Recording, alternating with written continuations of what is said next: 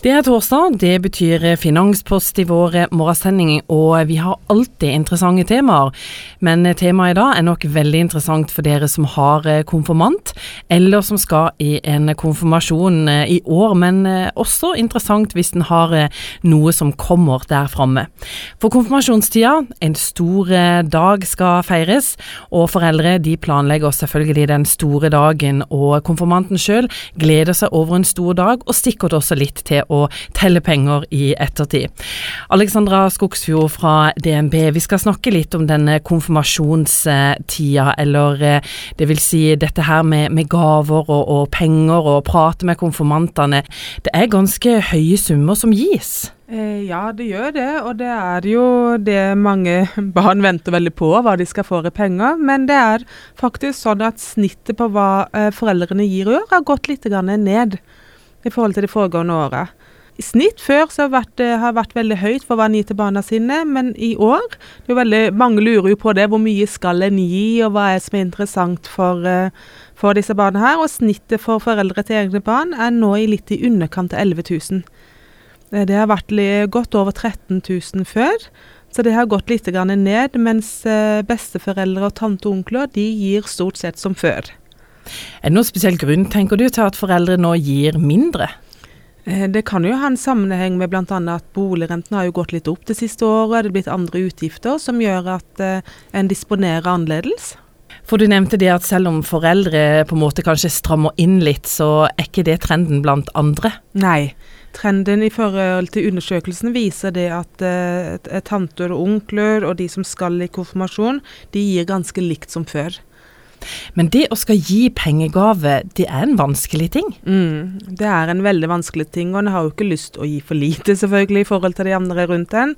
Eh, man ønsker jo at det er en gave som skal bli satt pris på av konfirmantene også.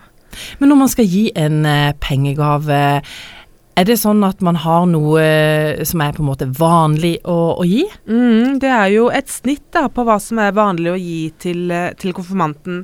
Eh, og tanter og onkel og sånn gir gjerne i overkant av 1300 eh, kroner. Eh, besteforeldre oppi, helt oppi, oppi 7000. Det er jo mye, mye penger. Skal du i et selskap, så er snittet på rundt 800. Og skal en gi til en konfirmant som til du kjenner, men som ikke nødvendigvis skal i selskapet til, så er snittet litt i underkant av 400. Jeg husker når jeg var konfirmant, som er lenge siden. Da var det sånn, da fikk man 50 kroner fra naboen, liksom. Ja. og det satte han jo òg veldig pris på. Absolutt, mm. absolutt. Du, er det litt sånn eh, gavepress?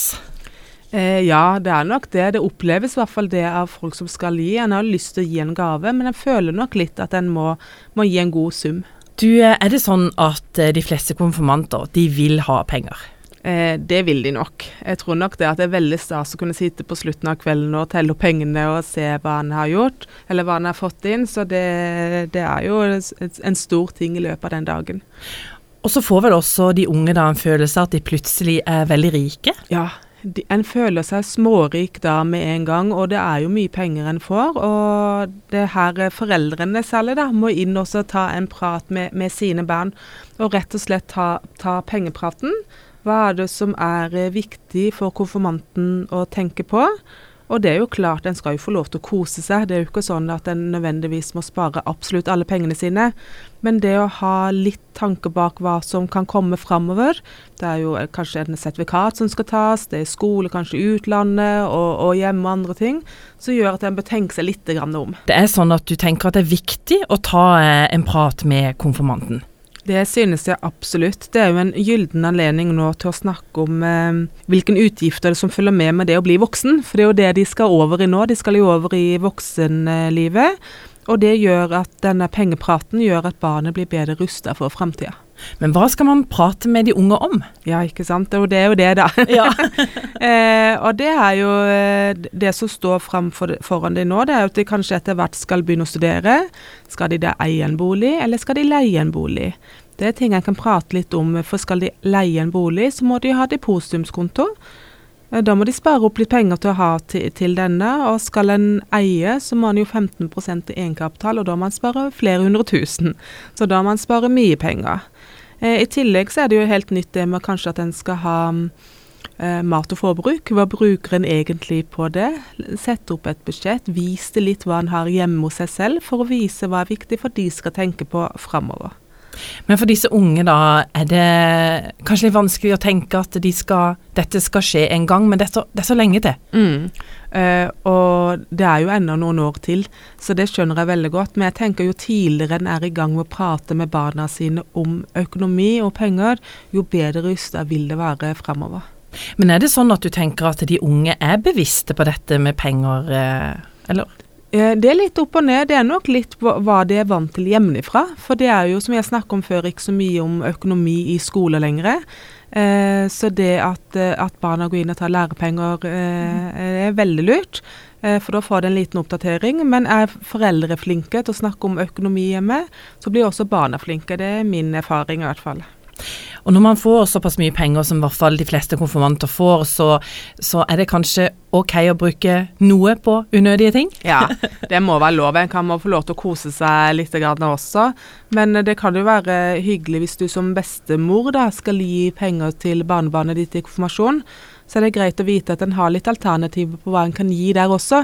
Det trenger ikke bare være en sjekk eller en konvolutt. En kan jo sette inn f.eks. på noe som heter BSU Start, som er da en spare, boligsparing for unge, som er for de under 18 år. Der får de ingen skattelette, men de får samme gode renter på sparepengene. Og da hjelper en jo barna litt videre i vei i livet. Er det andre muligheter? For nå nevnte du dette med BSU. Andre måter å forvalte pengene på? Ja, vanlig sparekonto er jo også bra, særlig hvis pengene ikke skal brukes om altfor lang tid.